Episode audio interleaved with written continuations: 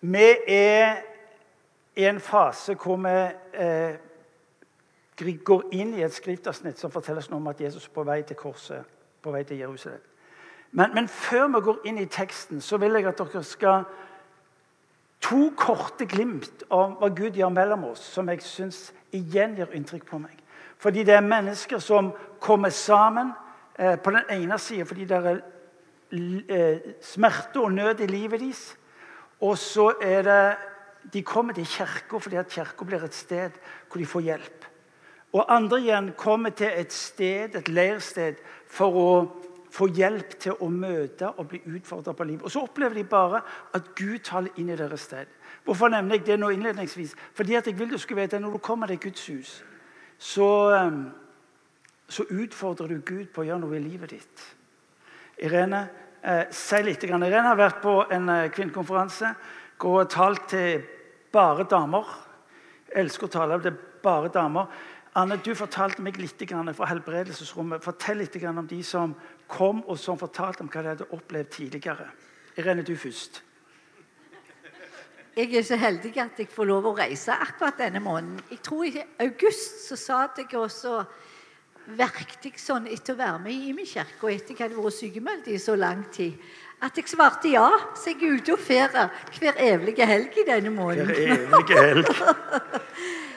Men det som var så fantastisk, det var å komme til 100 kvinner i Nordmisjon, den organisasjonen som vi hører til, eh, på stevnestaden i Aksdal. Og det var utrolig å møte folk i alle alder som hadde fått erfart at Guds ord er sant. Å se de kvinnene med livet som de har levd i så mange år, med så mange utfordringer. Men det som hadde holdt dem oppe, det var Guds ord, og så hadde gitt dem et nytt perspektiv. Og Guds nærvær var så sterkt at jeg kunne bare dele, så gjorde Gud resten. Det var Ei dame fortalte at i tolv år så hadde hun levd i det som vi kaller for H. Det var så mye smerte i familien. Det var så mye vondt. Hun hadde ligget på gulvet, sa hun. Og det eneste som hadde gitt henne lyspunkt, var Guds ord. Og så ga hun meg det ordet som hadde holdt henne mest oppe. Når jeg er redd, stoler jeg på deg. Jeg stoler på Gud. Jeg priser Hans ord. Jeg stoler på Gud. 'Jeg er ikke redd. Hva kan vel mennesker gjøre meg?' Så rant tårene, og så sa hun, 'Dette verset har båret meg.' Og nå står jeg en annen plass. Og nå vil jeg leve mitt liv for andre. Kan jeg få lov å si en ting til?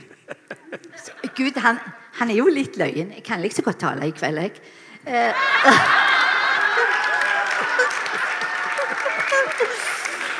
Ja, jeg burde jo ha visst det, men ja, kom an. Gud lærte meg ei lekse. Fra fredagsnatta så begynte den eh, at jeg la meg sånn i halv ett-tida. Så sovna jeg, og så drømte jeg. Og så våkna jeg, og så drømte jeg, og så våkna jeg. Så var det ei dame som kom springende til meg. Og så det jeg kjente, det var at hun var avvist. Og jeg våkna, og jeg sovna. Denne dama sprang. Så sa jeg til Gud ja, jeg skjønner det nå, sa jeg i halv to-halv tre-tida. Jeg skjønner det nå at du skal helbrede avvisning. Og jeg fortsetter å drømme til klokka var halv fire og våkne. Så sa jeg til Gud, hva er det du vil? Du får snakke tydelig til meg, for jeg skjønner det ikke helt, ser det ut for. Jeg vil at du skal få se en demonstrasjon at jeg helbreder momentant. OK, Gud, da sover jeg. Bare du viser meg damer, så er det greit. Etter jeg hadde talt, så fikk jeg bare lov å gå der. Og så kom det ei dame bort til meg. Oi, da kjente jeg det i magen. Så sier hun, 'Kan jeg få lov å snakke med deg?' 'Ja, det kan du'. Så gikk vi bort. Og På ti minutter så fortalte hun om en avvisning så sterk ifra hun var bitte liten til nå så var hun vel en ca. 40 år. Så sa jeg, 'Vet du hva? dette skjønner jeg svært lite av hva du har opplevd, men jeg skjønner avvisning. Det har du iallfall fått. Kan jeg få lov å bare be om en helbredelse inn i ditt liv? Ja, sa hun. Tror du det går an? Ja, sa jeg. Det tror jeg det går an. Så fortalte jeg henne drømmen. For jeg tenkte jeg må fortelle henne drømmen, så hun åpner hjertet sitt og tror det. Så ba jeg, og på en halv time så var dama totalt forandra. Og lø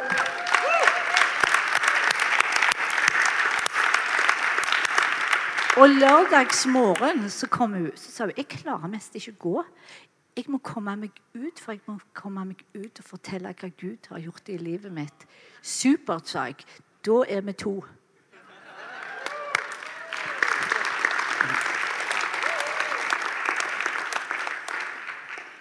Fantastisk, Irene. Eh, vi hadde helbredelsesrom i går. 24 stykker kom. Eh, det som var veldig spesielt i går, det var det at vi fikk erfare at mange kom tilbake og fortalte hva Gud har gjort gjennom det siste året. Og For meg så ble det en sånn veldig demonstrasjon på tro i går. Eh, ei som har hatt kreft, som ble, har blitt smertefri etter at hun har blitt bedt for. Eh, og som kommer igjen for hun vil ha Guds kraft. En med øresus er blitt mye bedre. Ei, med, ei som, faktisk en familie som kom helt fra Grimstad, som har vært hos oss mange ganger. Jeg har fått lov til å fortelle det. Der hun har opplevd at øynene hennes er blitt helbreda. Eh, men hun har veldig mye igjen i kroppen eh, som hun ønsker at Gud skal gjøre noe med. Men for ei tro komme helt fra Grimstad mange ganger for å bli bedt for. Det kjenner jeg at jeg må ta hatten av for. Og det gir meg så eh, tro for at Gud skal bryte igjennom på de tingene vi ber for på helbredelsesrommet. Så det var litt av det som skjedde i går.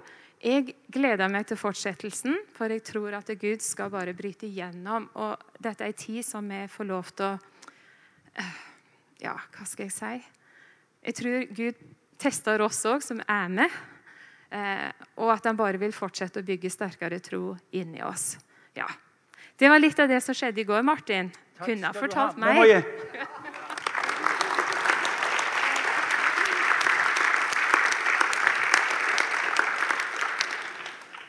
Er det ikke fantastisk å høre?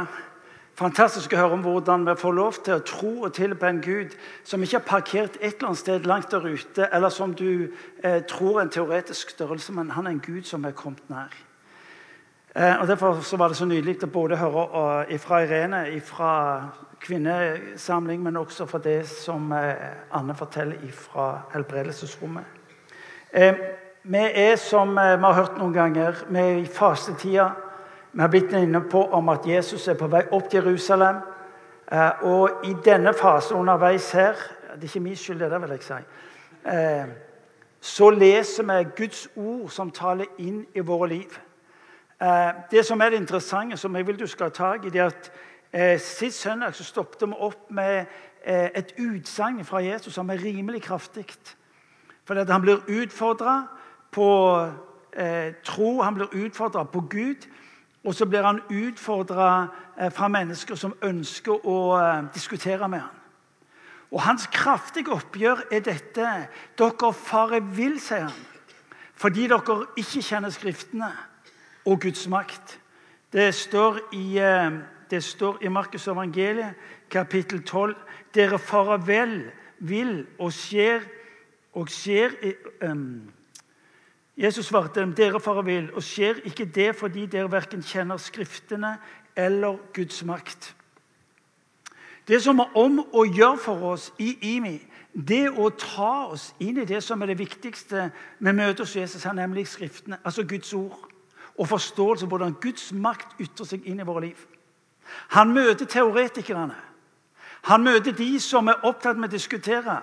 Han møter de som er opptatt med å ta avstand ifra ham. Han møter de som er opptatt med å plassere ham i et eller annet religiøse leir. Og så sier han, 'Hør nå. Dere farer vill. Dere ser ikke det dere egentlig lengter fordi dere ikke tar Guds ord på alvor.' Og Det er det du og meg inviteres til nå. ved gjennomgang av Bibelen, det at du og vi skal få tak i vet du hva, Når du og vi tar på alvor det som står i Guds ord, så forvandles ditt liv, omgivelsene merker det, og samfunnet vil bære preg av det. Så når vi nå hører Guds ord, så ikke bare hører det som et eller annet som du har hørt før, eller som du tenker ok, det var jo interessant. Men når du hører det som står i denne boka, så tror vi som kristne og som kirke at det er Gud som taler til oss. Og når Gud taler til oss, så mener han det han sier. Det var derfor han sa det. Og Det betyr at du må, du må virkelig spisse ørene og tenke å, så, så er det dette Gud sier. Så er det dette han vil jeg skal gjøre. Så er det dette han vil jeg skal handle på. Og så begynner du å definere livet ditt, ikke ut ifra omstendighetene, men fra hva Guds ord sier. Hør nå, Omgivelsene våre de ønsker at du skal definere livet. De sier men nå, nå, må du, nå må du forstå, du må se på samfunnet rundt deg, og så må du orientere deg med det som er utgangspunkt. Nei. Det du skal gjøre, du skal definere deg ut fra Guds ord for å møte et samfunn som forandrer seg. Ja, men Det er jo helt forskjellige ting. Og det er det du og meg inviteres til. Å definere livet vårt ut fra Guds ord. Derfor leser vi, slik som det står skrevet på slutten av kapittel 12 i Markus' evangeliet. Så innledningen er gitt. Skjerp dere, følg med. Og hvis du sovner, så be den som sitter ved siden av deg, og dunke i deg.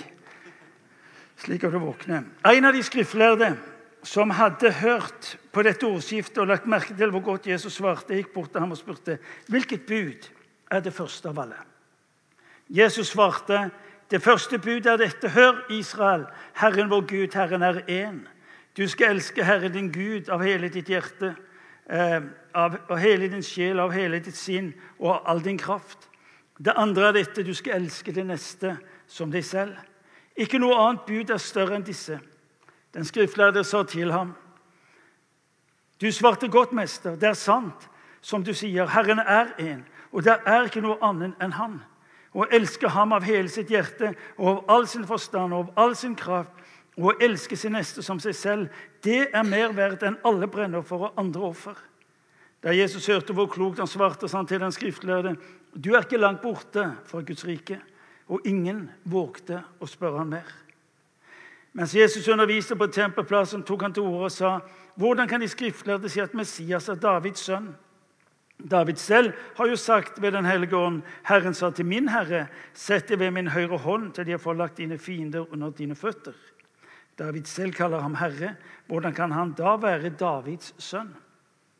Den store folkemengden knyttet gjerne til ham, og i sin undervisning sa han, pass dere for de skriftlærde. De vil gjerne gå omkring i lange kapper og mottar ærbødige hilsener på torget, sitter fremst i synagogen og har hedersplassen i selskaper. De eter enker ut av huset og holder mange bønner for syns skyld, men de skal få desto hardere dom. Jesus satte seg rett overfor tempelkisten. Han så hvordan folk la penger i den.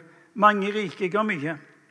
Men det kom også en fattig enke og la i to småmynter hvert noen få øre. Da kalte han disiplen til seg og sa, 'Sannelig, jeg sier dere:" Denne fattige enken har gitt mer enn noen av de andre som la penger i tempelkisten. For de ga alle av sin overflod, men hun ga sin fattigdom, alt hun eide, alt hun hadde å leve av. Dagens fokus skal være forbindelseslinja mellom de versene jeg sa innledningsvis, som elsker Herren din Gud, og denne enka. For Hvis du og vi får tak i denne forbindelsen, så vil vi også få tak i noe av det mest dynamiske som vi møter i Bibelen. Hva er det viktigste budet? Vi skulle tro at Jesus hadde sagt mange forskjellige ting.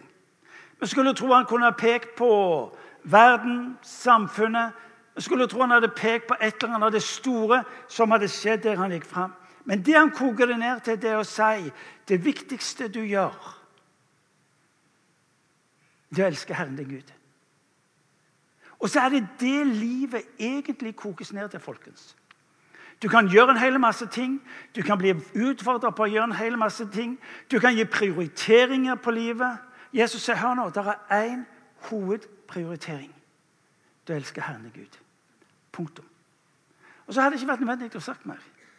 For med det utgangspunktet, sier han, vil du få alt det andre.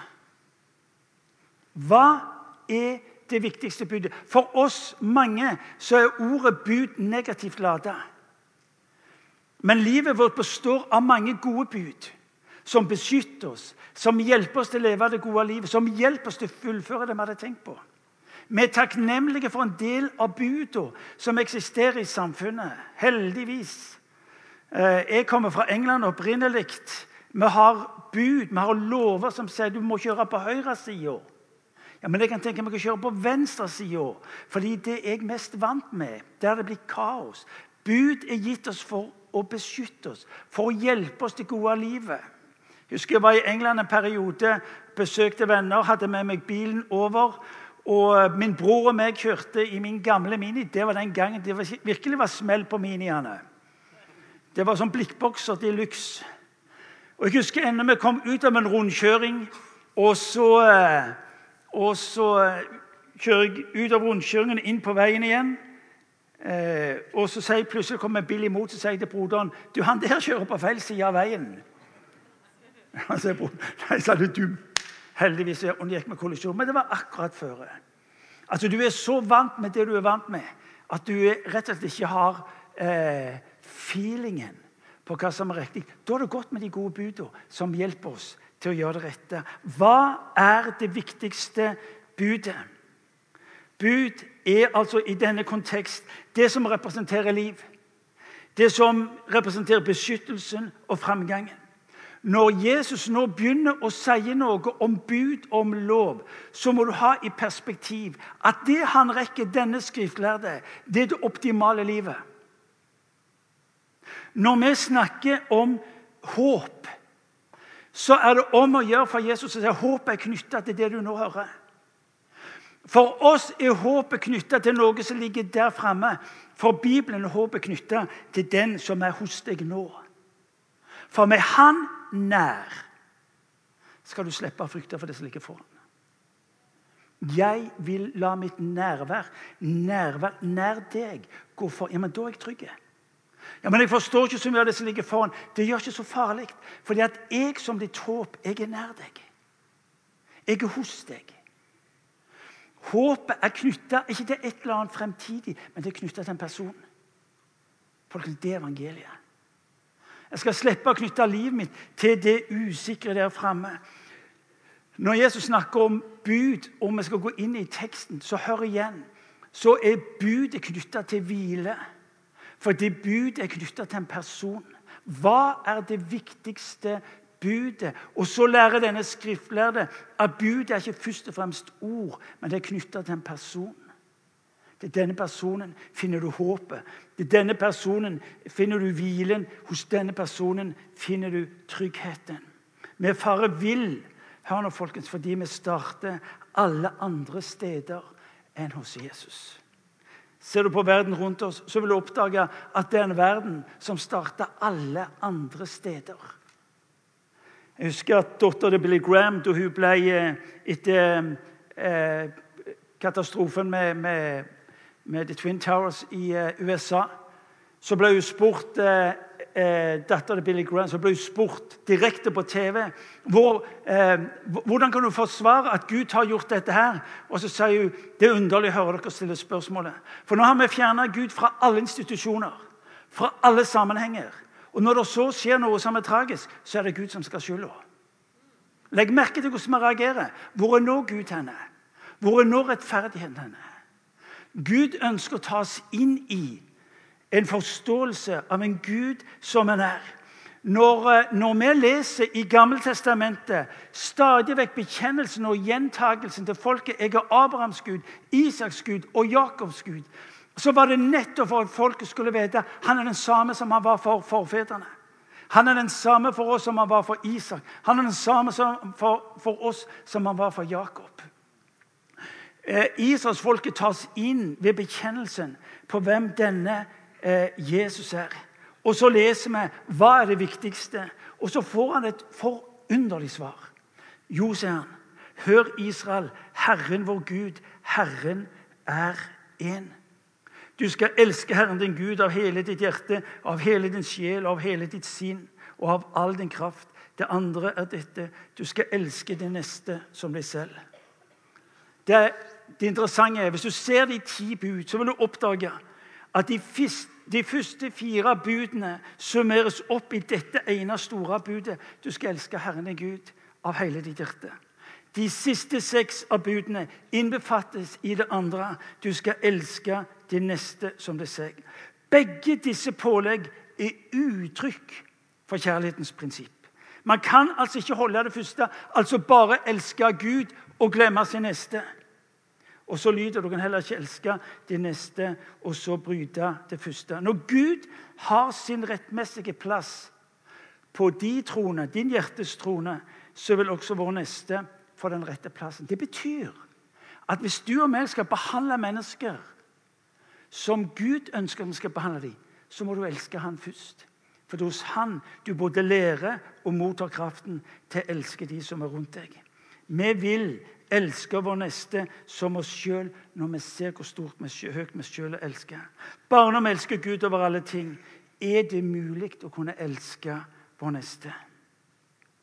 Jesus koker dette ned, og så griper han tilbake igjen til den historien som Israels folke er vokst opp med. Jesus tar seg inn i det som er selve fundamentet, selve søylen for han, der han går fram, og det folket som han er en del av. Femte Mosebok eh, må vi lese litt ifra. fordi det, vi leser der om viktigheten eh, for, for, eh, for Israels folke. Femte Mosebok, kapittel 6. 3-9.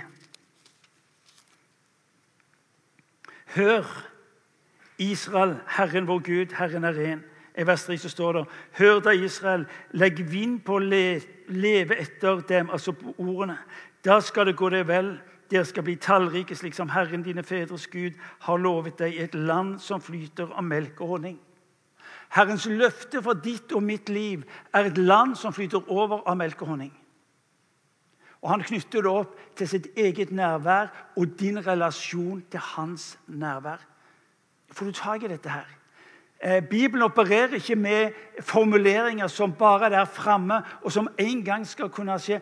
Bibelen opererer med formuleringer som er knytta til Han som har sagt 'Jeg er nær'. Hør, står det videre. Du skal elske Herren din Gud av hele ditt hjerte, og av all din sjel og av all din makt. Disse ordene som jeg pålegger deg i dag, skal du bevare i ditt hjerte. Legg merke til nå. Eh, ordene går fra å være opphøya til å være normgivende, til å bli praktisk, med en praktisk konsekvens. Du skal gjemme det i hjertet ditt. Når du gjemmer det på det i ditt hjerte, så vil det ha betydning. I Salme 1 så leser du om at å grunne på Hans ord dag og natt.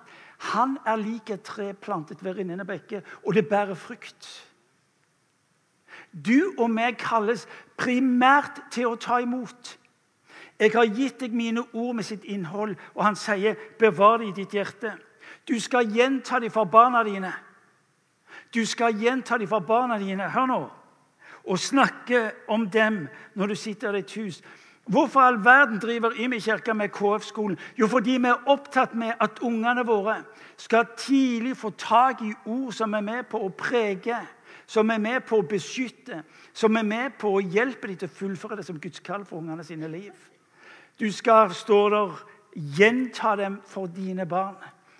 Eh, og du skal snakke om det når du sitter i ditt hus, og når du går på veien, når du legger deg, og når du står opp. Det du leser fra 5. Mosebok, det er at dette dine ord av liv, om hvem jeg er, skal være ditt, om du vil, altoppslukende livselement. Du skal binde dem om hånden som et tegn og ha dem på pannen som et merke.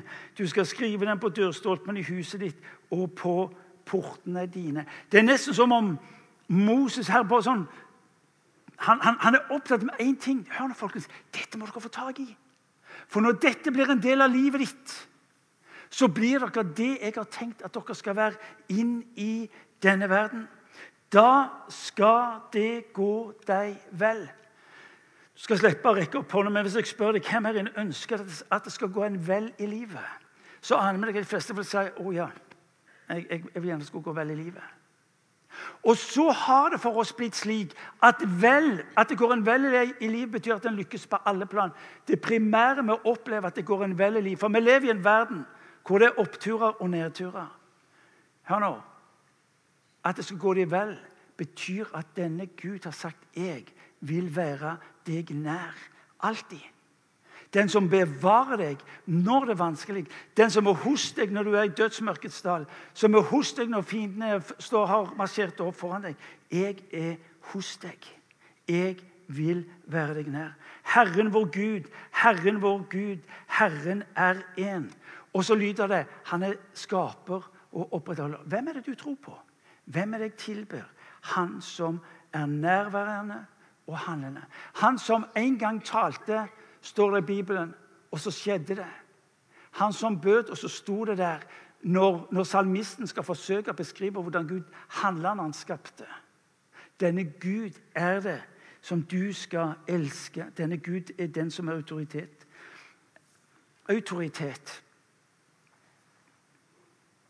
Eh, det som var selve kjennetegnet på den kristne menighet i urkirka, det var bekjennelsen Jesus er Herre. Når bekjennelsen lyder fra kirka om at Herren er én, om at Jesus er Herre, så betyr det at de innførte en autoritet i livet sitt. Vi liker ikke autoriteter, er du med? for vi vil gjerne bestemme sjøl. Herren er én. Der innføres en autoritet i livet vårt, en referanseramme. Ja, Men hvorfor denne referanserammen? Jo, fordi det skal gå deg vel. Når vi er små, når vi er små unger, prøvde jeg å si, så er vi opptatt med å, å fortelle ungene våre om det gode livet. Og så er vi opptatt med å trekke opp rammer. Gjør vi ikke det? Nei, du kan ikke ta den kniven. Nei, Du må passe hånda di for den varme plata. Vi forteller hvor mange av dere foreldre når de ungene begynte å veive med småkniver og sa 'Kult, altså!' Nå skal det bli gøy å se hva som kan skje. Nei. Omgivelsene har sagt du er uansvarlig. Når Gud taler inn i ditt liv, så ønsker han ikke bare at du skal forstå han er autoritet. Han er autoriteten. Og ditt valg, slik det kommer fram i dagens tekst, forteller dere enten han er autoriteten i livet ditt, eller så er han det ikke. Herren står der. Herren Gud er én. Du er som kristen under autoritet. Mulig du syns det er ubehagelig, men la oss gjøre oss ferdig med det raskt. Jesus og Herre var bekjennelsen av den første kristne kirke. Og de hadde en enorm betydning og innflytelse. Jesus er Herre i mitt liv. Ja, Betyr det at du lever og gjør alt det som du skal? Nei. Men som jeg hørte for en tid tilbake, får lov til å være underveis med bekjennelsen. Jesus, du er herre i mitt liv. La meg få lov til å leve i det. La meg få lov til å leve det ut. Det er vanskelig, for du og meg ønsker å bestemme sjøl. Herren, vår Gud, er én. Og vet du hva? Dette er for meg vanvittig trygt, fordi autoriteten representerer trygghet. La meg si en ting til. Alle velger med våre ulike former for autoriteter. Miljøet jeg tilhører, jobben jeg eh, går på. Eh, det er trender som jeg velger skal representere autoriteten i livet mitt. Dønn ærlig, folkens. Vi velger selv våre autoriteter, bevisst eller ubevisst. Jesus sier 'jeg vil være autoriteten i ditt liv'. Derfor lyder også bekjennelsen eh, som vi leste i Markus evangeliet. Herren, vår Gud, Herren er én. Han tar oss også inn i det som er selve fundamentet. Og dette er fundamentet. At han er den eneste Gud som har kommet nær til deg og til meg. Livet defineres ut ifra dette fundamentet. Livet, Hvorfor er jeg i denne verden? Jo, fordi Gud har skapt meg, sier Bibelen. Hvorfor skal jeg være og ha en funksjon i denne verden? Fordi Gud har skapt meg til å ha en funksjon, en hensikt i denne verden. Ut ifra dette ståstedet får du og meg innhold. Ja, hva betyr det? Jo, jeg definerer livet mitt ut ifra relasjonen som jeg får lov til å ha med denne som er Gud. Men det gir ikke bare fundamentet, det gir ikke bare innholdet, men det gir også retning for livet. Du er skapt med en hensikt, og du er skapt med et mål. Jesus sier i Matteus kapittel 6, 33, Søk først Guds rike og hans rettferdighet, og så skal du få alt det andre i tillegg. Det Jesus gjør med denne skriftlærde, han utfordrer han på valg. Du må velge. Du må velge om han skal få lov til å være Gud i ditt liv. På alle områder i ditt liv. I min ungdom så var det et utsagn som lød If he's not lord of all, he's not lord at all. If he's not lord of all, he's not lord at all. Jesus, hva er det viktigste for et menneske? La meg si at Du møter mennesker på din vei, og folk spør hva er det viktigste i livet mitt. Hvordan kan jeg få lov til å se Gud eh, som den eh, som leder mitt liv? Alternativet er at du selv har styringa. Men når Gud gir deg sine lover og ord, er det for at ditt liv skal bli maksimalt. Når Han sier i sitt ord du skal elske Herren din Gud av hele ditt hjerte, av hele din sjel, av hele ditt sinn, av all din kraft, vet du hva? da vil du òg oppdage at du møter hos Han det du trenger for livet, det maksimale i livet. Når Gud gir sine lover, så er det for at du skal leve maksimalt. Når han taler om å elske, når han taler om å eh, eh, At du skal elske Herren av hele ditt hjertes sjel og av hele ditt sinn av all din kraft, så er det for at du skal få øye på hvem han vil være eh, for ditt liv og inn i ditt liv. Mange kjenner seg tiltrukket av Jesus og den kristne troa. Men hør nå, for mange ble det ei ytre greie. Fri for Jesus som Herre. Vet du hva? Da står det i fare for å bli mye av oss og lite av Jesus. Han kaller deg på valg. Når han sier du skal elske meg, så er det ikke fordi at han primært trenger din kjærlighet, men for at du ved det i stand til å motta hans kjærlighet. Det er ikke fordi at han er i mangel av et eller annet som han trenger til, men det er fordi at du trenger til. Og når du vender deg mot han for å tilbe han, så vil oppdage at du er i stand til å motta hans. Velg. Velg det han sier. Jeg husker HP fortalte eh, for en tid tilbake hvor han, han, var blitt kristen. Og så var det en som sa ja, men hør nå, HP, dette kan ikke vare så ysla lenge. Og så sier han til han, har du ikke noen plan B? Og så sier HP nei, plan B har jeg. Jeg har bare plan A. For hvis jeg ikke har Kristus, ja, du har ikke noen andre. Jeg har kun Kristus som alternativ, som plan. Det Jesus sier her, nå sier han Elsk meg, og du har det du trenger. Og så sitter du her og tenker men hvordan i all verden gjør jeg det? Jeg vet ikke hvordan jeg gjør det. Så er vi forskjellige som mennesker. Noen har hele følelsesregisteret, andre mer rasjonelle. Andre mer ut, eh, eh utrusta til å møte og følge etter Jesus på en måte som kanskje er litt spesiell og litt annerledes. Poenget er ikke hvordan du opplever dette, men hvordan du følger etter. Fordi vi er forskjellige. Irene og meg er veldig forskjellige som mennesker. Svært forskjellige som mennesker. Og vi har vår ulike form for etterfølgelse. Spørsmålet er ikke hvordan, men vet du hva? jeg har et ønske. Det å være sammen med denne Jesus for å erfare at han griper inn i mitt liv. Elske Herren, og så levnes det ned av hjerte, av sjel, av sinn og av kraft. Hør nå godt etter. Han skiller ikke mellom det som har med det åndelige og det såkalt verdslige. Du vil oppdage at når Jesus taler om å elske, så snakker han om alle sider av livet. Alle former for liv. Det er ikke slik at Når du går herifra inn i kirka, så har du lagt bak deg det kristelige, så er du der ute og så lever du et eller annet sånn type verdslikt. Jesus som Herre i alle forhold. Med hjertet, med sinnet, med sjela, med alle sider av livet. Det er slik at du får lov til å ta med deg livet ut og møte Han der ute i livet. På livets område, åndelig, mentalt, fysisk og følelsesmessig. Forhold til jobben. Altfor ofte så kommer ryktene Jeg husker en god venn av meg som, som, som eh, var Han var satt på skattekontoret mange år tilbake. Så han, det, var, det var tankevekkende å se det var ikke forskjell på kristne og ikke-kristne når det gjaldt å lure på skatten. Hør nå.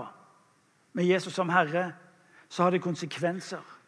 Det er ikke sånn at jeg tusker meg bort i et hjørne så, så gjør jeg et eller annet i hjørnet som ingen de andre ser. Hør nå. Jesus er Herre. Jesus er Herre. Det er ikke slik at du kan lure unna penger der og håpe det går bra. Jesus er Herre. Det er ikke slik at du kan behandle mennesker på en måte der og en annen måte der fordi det, det har noe med posisjon og mulighet Jesus er Herre. Det som er greia når Jesus sier at du skal elske Herren din Gud, så er det fordi at du skal ha et annet orienteringspunkt når du vurderer livet, hele livet. Og så skal ditt spørsmål få lov til å bli Jesus, hva gjør du nå? Hvordan behandler du disse menneskene? Jeg sitter her med penger, jeg sitter her med muligheter, jeg sitter her med situasjoner. Og, og spørsmålet til deg, Jesus, blir hva gjør jeg nå? Hva gjør du nå, Jesus, inni det som er situasjonen min?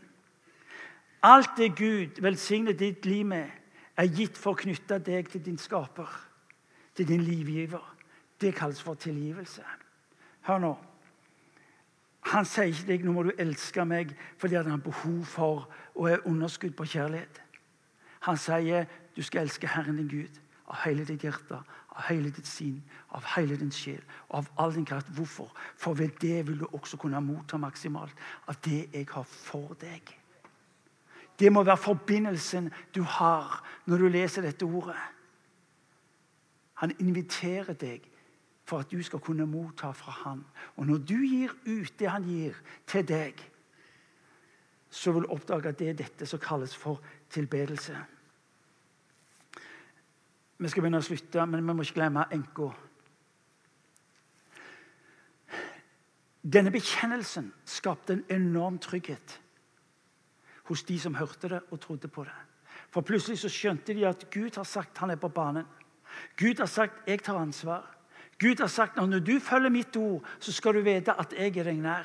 Det betyr ikke at livet blir smertefritt, at du unngår det som er vanskelig. Det betyr ikke at livet er bare sånn full rulle, og så er alt bra. Nei.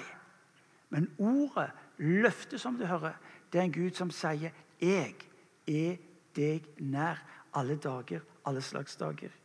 Vi leser om enka fra vers 41 i kapittel 12. Det står at hun ga alt hun hadde. Enka trodde at tempeltjenesten var innstifta av Gud. Og hun var ivrig etter å gjøre sitt ytterste for å støtte den tjenesten. Hun gjorde det hun kunne, og hennes handling leser vi i Bibelen, skulle stå som et minnesmerke om henne gjennom alle tider. Hun ga, står der, av hele sitt hjerte.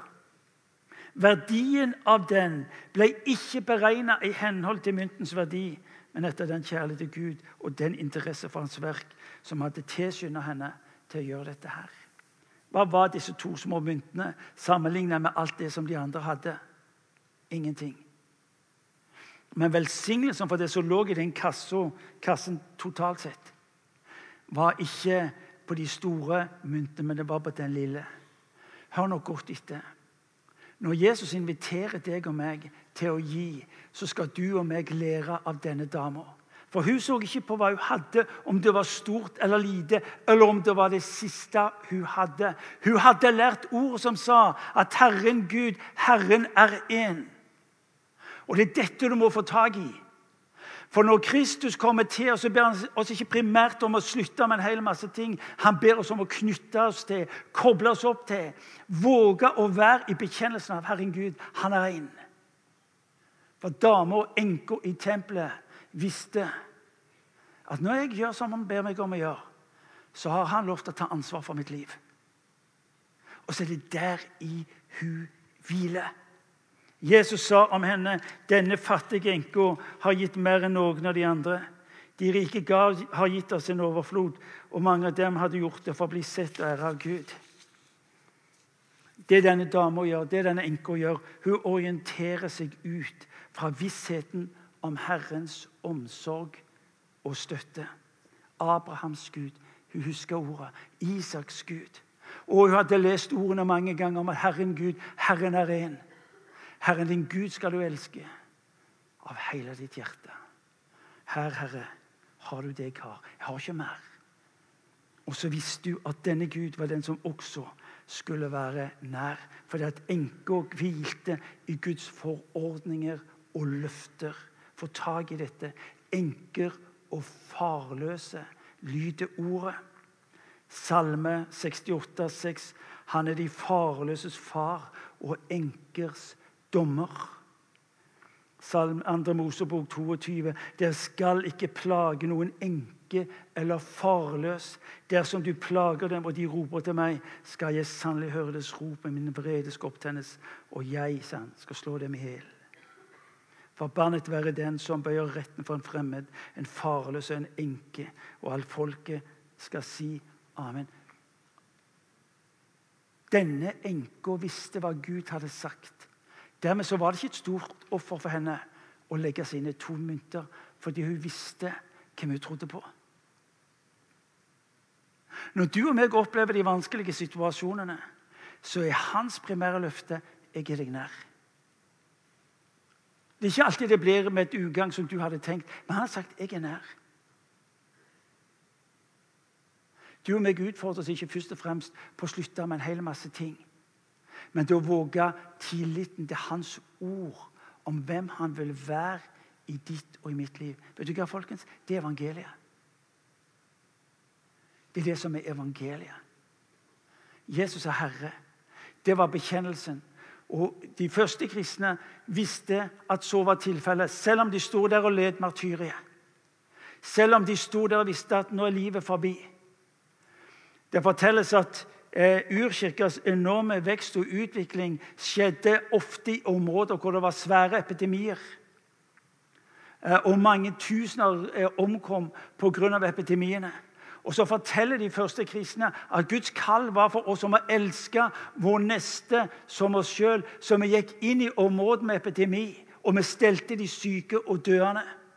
Og når omgivelsene så vår kjærlighet til vår neste, så ble spørsmålet hvem er dere tror på? Hvem er det dere følger? Hvem er det dere elsker? Jo, vi elsker Herren vår Gud av hele vårt hjerte, av hele vår sjel. Jeg kan ikke gjøre det uten at det har konsekvenser for min neste.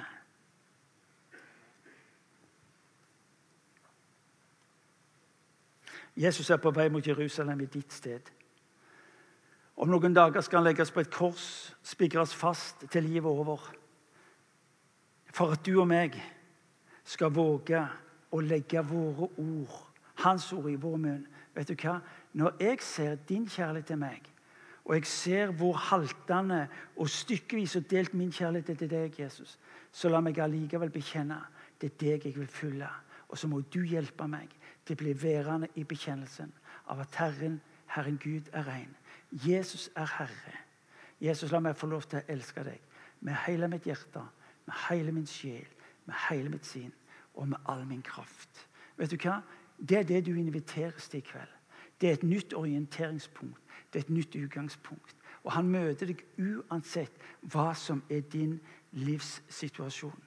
Et Jesus-liv er ikke hva du prøvert skal slutte med, bli satt fri fra, men bli omfavnet av, ikledd i nemlig Hans nåde.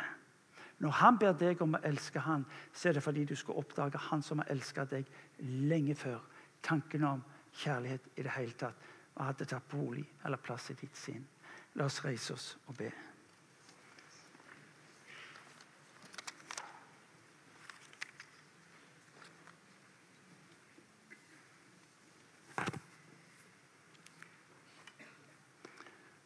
To ting opplever jeg eh, har, blitt minnet på eh, innledningsvis her. Det ene er innbydelsen om å finne tilbake igjen til det store Shama. Finne tilbake igjen til han som sier 'Hør nå, jeg vet ikke hva ditt liv eller hvorfor du valgte som du gjør, men det du skal vite, jeg er her nå'. Jeg vil at du skal se for deg at den Gud som jeg tror på, den Jesus som dør for oss på korset, han er her nå for deg, fordi at du skal kunne finne tilbake. Du skal få lov til å bekjenne seg denne. vet Du hva, Jesus? Du ser hva jeg har rota til med, du ser hva skulle vært annerledes. Du, du ser hva jeg har gjort de siste ukene og de siste månedene. Du kan gjerne lure meg. Du kan gjerne lure omgivelsene. Men han vet hva du holder på med. Og nå inviterer han deg tilbake for å starte på nytt. Ved at du bekjenner Jesus, du skal være herre i mitt liv. Jeg har ingen andre som jeg stoler mer på enn deg, Jesus. Jeg vil at du skal være i mitt liv. Så Det er det ene jeg vil du skal gjøre. Og Kanskje er du her inne som ikke er en kristen. Så vil jeg at du skal vite at du ble skapt for å tilhøre Gud. Om dine synder er mange, om det som du har gjort, er forferdelig, så sier han min nåde. Når jeg dør på korset, så ser du min nåde og mitt uttrykk for at jeg elsker deg. Redningen i ditt liv er at du følger meg for å oppdage at min kjærlighet mot deg skal vare ved. Så her du står, la oss eh, bøye våre hoder og la oss rett og slett bare si Jesus, vil du hjelpe meg til å finne tilbake igjen? Til både bekjennelsen, men også det livet som forteller at du er Gud, Jesus. At du er Herre, og at du er Herre i mitt liv. Jesus han eh, spør ikke om å bli herre i ditt liv. Du må velge om han skal være herre i ditt Han er herre uansett. Det tankevekkende det er at det, om ikke han får være herre i ditt liv, så er det andre ting du lar være herre i ditt liv. Pengene, makta, innflytelsen, stoffet Du vet hva jeg snakker om.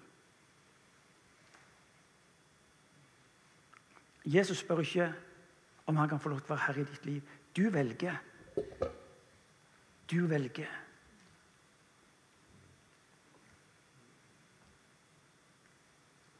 La oss be. Herre Jesus Kristus, du er Herre.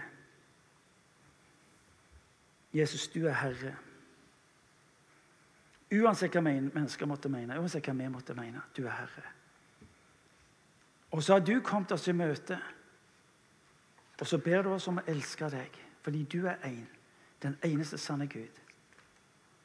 For at vi ved det bøyer våre kne for deg og tar imot din kjærlighet. Herre, når du sier til oss om å elske med hjerte og med sjel og med sin all kraft, Herre, så minner du oss om det var det du gjorde. Det var det du gjorde med den enkelte av oss. For at vi aldri skulle tvile på din kjærlighet. Hjelp oss til å lære av enka som la ned alt du hadde fordi hun hadde vissheten om at du var den Gud som alltid var nær henne og holdt det du hadde lovt overfor henne.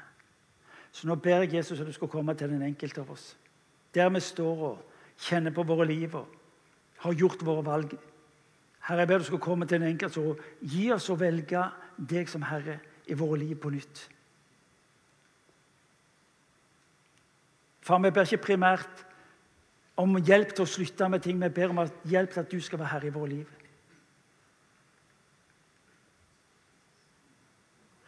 Herre Jesus,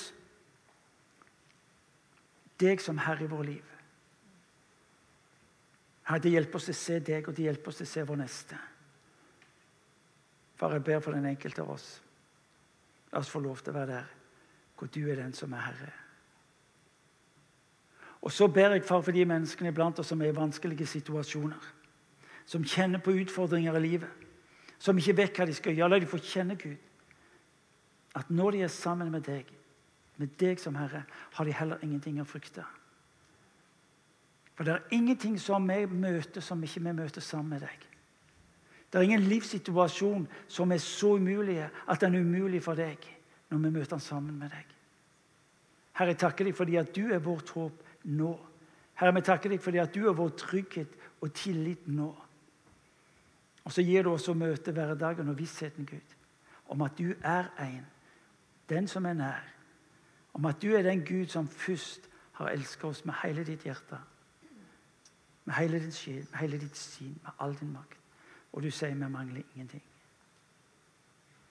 Herre Hellige Far, vi ber. Takk fordi du er mellom oss. Kom, Hellige Ånd. Kom, Herre, berør våre liv, berør vår tanke, berør vår måte å tenke på. Herre, takk fordi at du gir oss å ha deg som fokus. Takk, Herre, fordi du gir oss å ha deg som Gud, som Herre.